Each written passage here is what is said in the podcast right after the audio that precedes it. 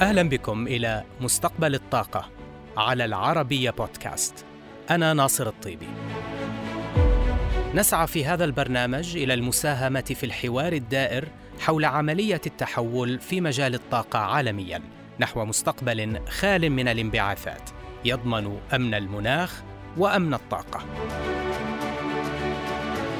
طاقة الرياح البحرية تشكل نسبة بسيطة من سوق طاقة الرياح عالميا، حيث أن القدرة الإنتاجية لطاقة الرياح البحرية المركبة عالميا تبلغ اليوم نحو 35 جيجا وات وهو ما يشكل نحو 5% فقط من إجمالي القدرات الإنتاجية لطاقات الرياح المركبة والتي يشكل معظمها طاقات الرياح على اليابسة. لكن الرياح البحرية لها آفاق نمو واعدة جدا على مدار العقود المقبلة. فالتطورات التقنية الأخيرة أدت إلى توربينات أكبر حجما ونسب تشغيل أعلى. هذا إلى جانب ابتكار توربينات بحرية عائمة.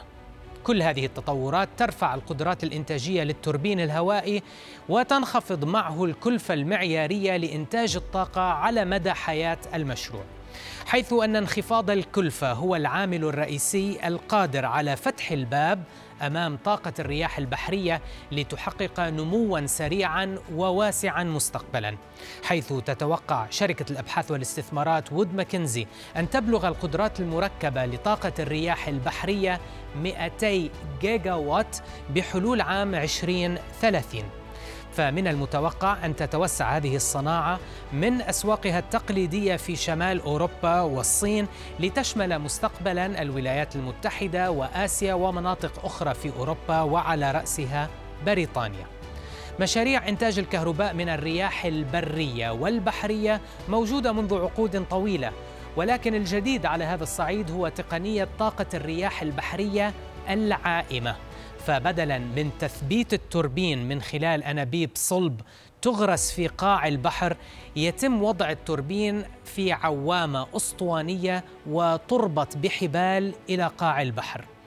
تقنية التوربينات العائمة تسمح لبناء مزارع رياح بحرية في عرض البحار العميقة حيث تشتد سرعة وقوة الرياح. ما يعني إنتاج كميات طاقة أكبر مقارنة بطاقة الرياح البحرية الثابتة. وبالتالي هذا يفسح المجال أمام استغلال مناطق بحرية شاسعة قبالة السواحل لتوليد الطاقة الكهربائية النظيفة.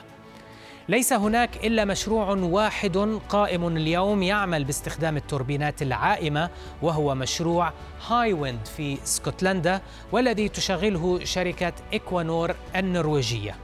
والسبب في ذلك أن كلفة إنتاج الكهرباء من التوربينات العائمة تصل إلى ضعفي كلفة التوربينات البحرية الثابتة حيث يحتاج أي مشروع لطاقة الرياح البحرية العائمة إلى سعر بيع الكهرباء على الأقل عند 84 دولار للميجا وات ساعة وذلك بحسب تقديرات مجلس طاقة الرياح العالمي. فاليوم يتم العمل على تطوير نماذج متعددة من المنصات العائمة وهو ما يصعب على الصناعة تحقيق أي وفورات من توحيد المعايير وزيادة حجم الإنتاج. كما أن مزارع التوربينات العائمة ستحتاج إلى كيبلات كهربائية أطول لربطها مع اليابسة وهو ما يرفع أيضا من كلفة هذا النوع من المشاريع. لكن عددا ليس بسيطا من الحكومات. بدأت تلتفت أكثر فأكثر نحو تقنية التوربينات العائمة مؤخرا حيث بدأت تدرك أنها ستحتاج إلى هذه التقنية إذا ما أرادت تحقيق مستهدفاتها على صعيد خفض الانبعاثات خاصة إذا لم يتوفر لديها حجم الأراضي المطلوب على اليابسة لإنشاء ما يكفي من مشاريع الطاقة الشمسية والرياح البرية. وقد تنبهت بعض شركات النفط والغاز الدولية التي تسعى للتوسع في الطاقات المتجددة مثل شركات شيل وبي بي وتوتال إلى الفرصة التي توفرها سوق توربينات الرياح العائمة وبدأت تتحضر للدخول إليها حيث تشكل تلك السوق الواعدة امتدادا طبيعيا لخبرات تلك الشركات الطويلة في إنشاء المنصات والمرافق العائمة عند استخراج النفط والغاز من باطن الأرض في قاع المحيطات والبحار العميقة.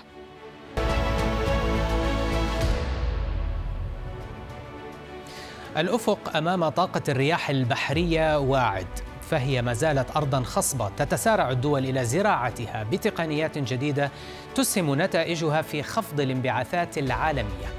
في لقاء سابق مع ألكسندر فلوتر رئيس قسم الأبحاث طاقة الرياح البحرية في رايستاد أنرجي قال إن الاستثمارات في محطات طاقة الرياح البحرية شهدت مستويات قياسية بلغت 35 مليار دولار العام الماضي بنمو سنوي يعادل 300% ومن المتوقع على حسب آه، ما ذكر أن تستمر هذا أو يستمر هذا النمو على هذا المنوال. نعم يمكننا القول بأن طاقة الرياح البرية كانت أكثر سهولة وفي متناول اليد مقارنة بالرياح البحرية. فالرياح البرية كانت نجمة النمو الذي شهدته القدرات الإنتاجية للطاقات المتجددة عالميا في السنوات الماضية حيث أن الرياح البرية والطاقة الشمسية نمتا بوتيرة كبيرة وهما بلا شك أكبر حجما. كل على حدة من سوق طاقة الرياح البحرية حاليا. نعتقد بأن الطاقة الشمسية والرياح البرية سيستمران في الاستحواذ على الحصص الأكبر من إجمالي القدرات الإنتاجية للطاقات المتجددة حتى عام 2025 ولكن طاقة الرياح البحرية ستحقق وتيرة النمو الأسرع خلال تلك الفترة. وهذا يعود إلى تقلص المساحات المتاحة لطاقة الرياح على اليابسة خاصة في الدول التي نضجت عندها صناعة الرياح البرية. وهو ما سيتطلب نقل تطوير تلك المرافق إلى البحر حتى يتسنى لتلك الدول الاستمرار في تنمية طاقاتها المتجددة. ولكن بالرغم من ذلك فإن طاقة الرياح البرية ما زالت على موعد مع مستويات نمو قوية في الصين والهند تحديدا. ألكسندر طاقة الرياح البحرية صناعة مؤسسة منذ زمن في أوروبا حيث أن بريطانيا هي أكبر سوق لطاقة الرياح البحرية في العالم حاليا. كما أن الولايات المتحدة لها خطط كبيرة على هذا الصعيد في الجرف القاري التابع لها. في أي دول أخرى توجد هناك خطط لتنمية هذه الطاقة؟ وهل لك أن تعطينا لمحة شاملة للخطط والمشاريع العالمية على هذا الصعيد حالياً uh. Uh, بالتأكيد أوروبا كانت القوة الأكبر خلف نمو سوق طاقة الرياح البحرية في سنواتها الأولى فهي تمتلك السوق البحري الأكثر نضجا فأوروبا تستحوذ اليوم على ما يتراوح ما بين 70 إلى 80% من القدرات الإنتاجية المركبة للرياح البحرية عالميا حيث أن بريطانيا هي الرائدة عالميا على هذا الصعيد. ولكن ما نراه اليوم هو أن الصين ستصبح هي القوة التي ستقود هذا السوق على المدى القصير إلى المتوسط حيث دخلت الصين عام 2020 ولديها مشاريع في طاقة الرياح البحرية قيد الإنشاء تصل قدرتها الإنتاجية إلى أكثر من 10 جيجاوات وهذا بسبب أن الحكومة الصينية ستبدأ بإلغاء العمل تدريجيا نهاية العام الحالي بسعر التعرفة الكهربائية المدعوم لمشاريع الرياح. وهو ما دفع إلى تسارع عمليات تشييد تلك المشاريع وربطها بالشبكة قبل الموعد النهائي. وبالرغم من أنه سيتم إلغاء هذه التعرفة بشكل تدريجي بدءا من مطلع العام القادم إلا أننا ما نزال نتوقع استمرار الصين بتسجيل نشاط قوي في مشاريع الرياح البحرية السنة المقبلة كذلك. وهذا ما سيبقي الصين مستحوذة على كرسي القيادة في هذه السوق حتى منتصف العقد الجاري. ولكن بعد عام 2025 ومع هدوء وتيرة تشييد مشاريع الرياح البحرية في الصين نتيجة إكمال الحكومة هناك الإلغاء التدريجي للدعم الحكومي على التعرفة ستبدأ دول آسيوية أخرى بالظهور. تحديدا تايوان وفيتنام في البداية ثم تلحقها اليابان وكوريا الجنوبية ما سيخفف من وطأة تباطؤ مشاريع الرياح البحرية في الصين. كما نتوقع استمرار أوروبا في وتيرة تشييد مشاريعها الحالية خاصة في الأسواق الناضجة بريطانيا وألمانيا وبلجيكا وهولندا. ليزداد الزخم لاحقا مع دخول اللاعب الجديد فرنسا إضافة إلى بولندا. أما بالنسبة للولايات المتحدة فهناك زخم كبير قادم إلى صناعة الرياح البحرية في ضوء الدعم الذي سيقدم من قبل إدارة بايدن. لكن في المجمل فإن نسب النمو الكبيرة في الرياح البحرية ستبدأ في النصف الثاني من هذا العقد. كيف تفاعلت الاستثمارات في مشاريع طاقة الرياح عالميا وكيف تأثر توصيل تلك المشاريع في الشبكات خلال العام الماضي عام آه، جائحة آه، كورونا؟ Yeah, no, so definitely offshore wind has been one of the more robust parts of the energy industry. لقد كانت الرياح البحرية بكل تأكيد هي إحدى أكثر قطاعات صناعة الطاقة زخما خلال جائحة كورونا حيث ارتفعت الاستثمارات المقررة عالميا العام الماضي 2020 إلى مستويات قياسية بلغت نحو 35 مليار دولار وهو ما يمثل نموا سنويا بلغ نحو 300% وهي نسبة ستستمر بالتزايد في السنوات المقبلة حيث لم تثني الجائحة الدول عن مستهدفاتها لطاقة الرياح البحرية. بل على العكس بعض الدول قامت برفعها. فمثلا في خضم الاضطرابات وحالة عدم اليقين الذي ضرب أسواق الطاقة في الربع الثاني من العام الماضي نتيجة الجائحة قامت أوروبا بإقرار مشاريع جديدة في الرياح البحرية بقدرة 4 جيجاوات وهو ما يعادل نحو ثلاثة أضعاف نفس الرقم المسجل لعام 2019 بأكمله. لذا من الواضح أن سوق طاقة الرياح البحرية يستمد قوته من الزخم الحاصل في عملية التحول في مجال الطاقة والتي باتت تشكل إحدى أدوات دعم تعافي الاقتصادات حول العالم.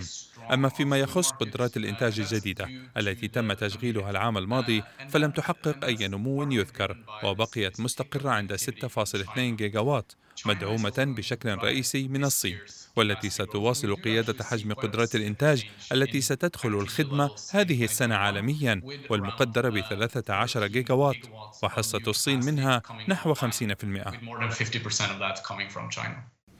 التكلفة المعيارية للطاقة وهي معدل صافي القيمة الحالية لإجمالي تكاليف إنتاج الكهرباء طوال حياة المشروع تلك التكلفة المرتبطة بطاقة الرياح البحرية لا تزال أعلى بكثير من تلك المرتبطة بطاقات بديلة أخرى بالتالي كيف سيمكن لمشاريع طاقة الرياح البحرية أن تخفض من تكاليفها؟ Yeah, it's a good question. I think we are seeing it in recent years. One of the key parts of the offshore wind هذا سؤال وجيه. وأعتقد بأننا رأينا ذلك جليا في السنوات القليلة الماضية. فأحد أهم مكونات مزارع الرياح البحرية هي توربينات الرياح وتكلفتها. وقد لمسنا تطورا واضحا في تقنيات التوربينات. وانعكس ذلك زيادة في حجمها وفي قدرتها على الاستفادة الأكبر من هذا الحجم. يعني ذلك أن عدد المكونات المطلوب نقلها وتركيبها وصيانتها في المشروع سيقل وهو ما يحسن اقتصاديات مشاريع الرياح البحرية. ولكن في الوقت ذاته لا أعتقد أنه علينا أن نركز فقط على الكلفة المعيارية المطلقة لتلك المشاريع بل علينا أن نتطلع إلى حجم التطوير الممكن تحقيقه في مشاريع طاقة الرياح البحرية. فصحيح أن كلفتها قد تكون أعلى ولكنها إحدى أهم السبل القادرة على دعم الدول في تحقيق مستهدفاتها المناخية. لذا فطاقة الرياح البحرية هي إحدى الحلول ولا يجب أن ننظر إلى الأمر على أنه منافسة ما بين مصادر الطاقة المختلفة. ما هي إيجابيات طاقة الرياح البحرية العائمة؟ مقارنة بطاقة الرياح البحرية الثابتة وما هي تحدياتها على الصعيد التقني والتكلفة؟ No, I think if we're talking uh, potential for floating offshore wind, the sky's the limit. You know, إذا كنا نتحدث عن الاحتمالات الكامنة في طاقة الرياح البحرية العائمة فهي عنان السماء. هل تعرف أن 80% من قدرات الإنتاج الممكنة من الرياح البحرية عالميا ستأتي فقط من توربينات عائمة في بعض المناطق المحددة؟ بالتالي ما تستطيع أن تقدمه توربينات الرياح العائمة هي فتح الباب أمام مناطق بحرية جديدة. لا تستطيع أن تصلها التوربينات المثبتة إلى القاع في ضوء التقنيات المتاحة اليوم وبالتالي هذا سيمكننا من الابتعاد أكثر عن الساحل نحو عرض البحر حيث تشتد سرعة وقوة الرياح وهو ما سيرفع من القدرات الإنتاجية للتوربين ويحسن اقتصاديات تلك المشاريع العملاقة. ولكننا نرى أن توربينات الرياح العائمة هي قصة ستكتب في ثلاثينيات هذا القرن وليس في عشرينياته وهذا لا يعني أن العقد الحالي ليس محوريا بالنسبة لها بل على العكس سنرى انخفاضات ملحوظة في التكاليف مع نضوج الصناعة نحو التشغيل التجاري ومع منافستها لكلفة التوربينات البحرية الثابتة. إلا أن الصناعة ستواجه عدة تحديات فهي تحتاج إلى الوصول لنفس حجم القدرات التصنيعية التي تتمتع بها اليوم صناعة التوربينات البحرية الثابتة وهو ما سيحتاج في بادئ الأمر إلى دعم حكومي لتحقيق اقتصاديات الحجم كما أن الصناعة ستواجه بعض التحديات التقنية فمع زيادة حجم مزارع توربينات الرياح البحرية العائمة ستزداد الصعوبات المتعلقة في نقل المكونات وتشغيلها وصيانتها وستزداد الضغوط على البنية التحتية للنقل الكهربائي من عرض البحر وإلى الساحل وهي تحديات تقنية ما زالت بانتظار الحلول. ولكنني متفائل حيث أن الحلول التقنية موجودة بشكل ما حاليا في النماذج المستخدمة في قطاع النفط والغاز وبعض القطاعات المرتبطة. لذا أعتقد أن الحلول ستأتي مع نهاية العقد الحالي. كيف يمكن دمج إذا طاقة الرياح البحرية مع إنتاج الهيدروجين الأخضر وما هي الفرص التي قد تنتج عن هكذا دمج؟ أرى بأن دمج الهيدروجين الأخضر مع طاقة الرياح البحرية قد يكون حلا على المدى الطويل لمشكلة تقطع إنتاج الطاقة، وأعتقد بأن هناك توجه نحو الحلول المركزية على هذا الصعيد. انظر إلى الدنمارك حيث أقرت الحكومة هناك إنشاء جزيرة اصطناعية ستكون مركزا لنقل الكهرباء من التوربينات إلى الساحل، وستحتوي على قدرات لإنتاج الهيدروجين الأخضر كذلك باستخدام مياه البحر. X. أيضا كوريا الجنوبية تتجه نحو حلول مركزية لمشاريعها البحرية البالغة 8.2 جيجا وات الحلول المركزية هذه يمكننا تجميع الكهرباء عليها ويكون إنتاج الهيدروجين أحد الحلول المتضمنة فيها وهو ما سيحل مشكلة التقطع ويقدم أيضا وسيلة لتخزين الطاقة الفائضة لاستخدامها في فترات ذروة الطلب الكهربائي. وهذا كله سينعكس ايجابا على اقتصادات مشاريع الرياح البحرية. حاليا ما زلنا بحاجة لرؤية انخفاضات سعرية في تكلفة أجهزة التحليل المائي المستخدمة في إنتاج الهيدروجين الأخضر، لكن من المتوقع أن تنخفض كلفتها في نهاية العقد الحالي. وطبعا في نهاية المطاف نموذج دمج طاقة الرياح البحرية مع الهيدروجين الأخضر ستعتمد على الهدف هل الهدف هو إنتاج الهيدروجين فحسب أم الهدف إنتاج الهيدروجين فقط لاستخدامه كحل في ملاقاة فورات الطلب أو عند تقطع الإنتاج؟ كما هي الحال مع طاقة الرياح البحرية أحيانا. ملف آخر في مستقبل الطاقة. أحداث ثلاثة كبرى سجلت هذا الأسبوع. تؤشر إلى حجم الضغوط التي تواجهها شركات النفط العالمية لخفض انبعاثاتها الكربونية. القصة الأولى كانت في التصويت التاريخي من مساهمي أكزون موبل لصالح انتخاب عضوين في مجلس الإدارة مدافعين عن البيئة. المفاجئ في هذا الحدث أن الصندوق الذي قاد الحملة لانتخاب العضوين هو صندوق Engine Number 1 وهو صندوق استثماري صغير لا تتعدى قيمة مساهمته في الشركة 50 مليون دولار. لكن استجابة المساهمين العارمة والمفاجئة لحملته التي بدأت في ديسمبر الماضي يشير إلى مدى الاهتمام الذي يوليه المستثمرون لمعايير ESG أو البيئة والاستدامة والحوكمة. القصة الثانية الكبرى كانت بتصويت مساهمي شيفرون لصالح إلزام الشركة بخفض كبير وملموس لانبعاثات المستوى الأول Scope 1 أي الانبعاثات الناجمة ليس عن عمليات الإنتاج بل أيضا عن الانبعاثات تنجم عن استهلاك منتجات الشركة وهو Scope 3 عفوا.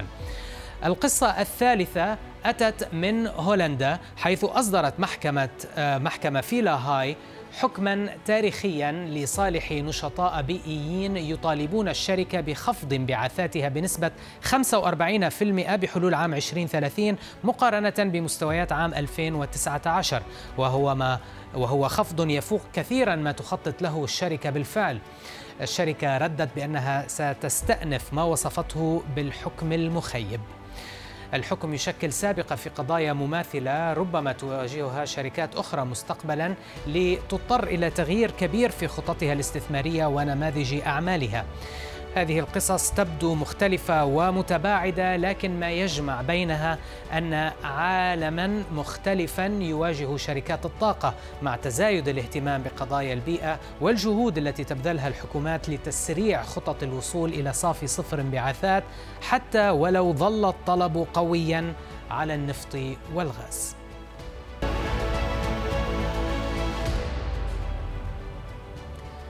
جدل أثاره تقرير وكالة الطاقة الدولية الأخير الذي حض على وقف الاستثمارات الجديدة في النفط والغاز والفحم. للوصول إلى صافي صفر انبعاثات بحلول عام 2050 واللافت أن ردود الفعل الرافضة لهذه التوصية لم تأتي من الدول المنتجة للوقود الإحفوري فقط بل من دول مستهلكة كبرى له أيضا.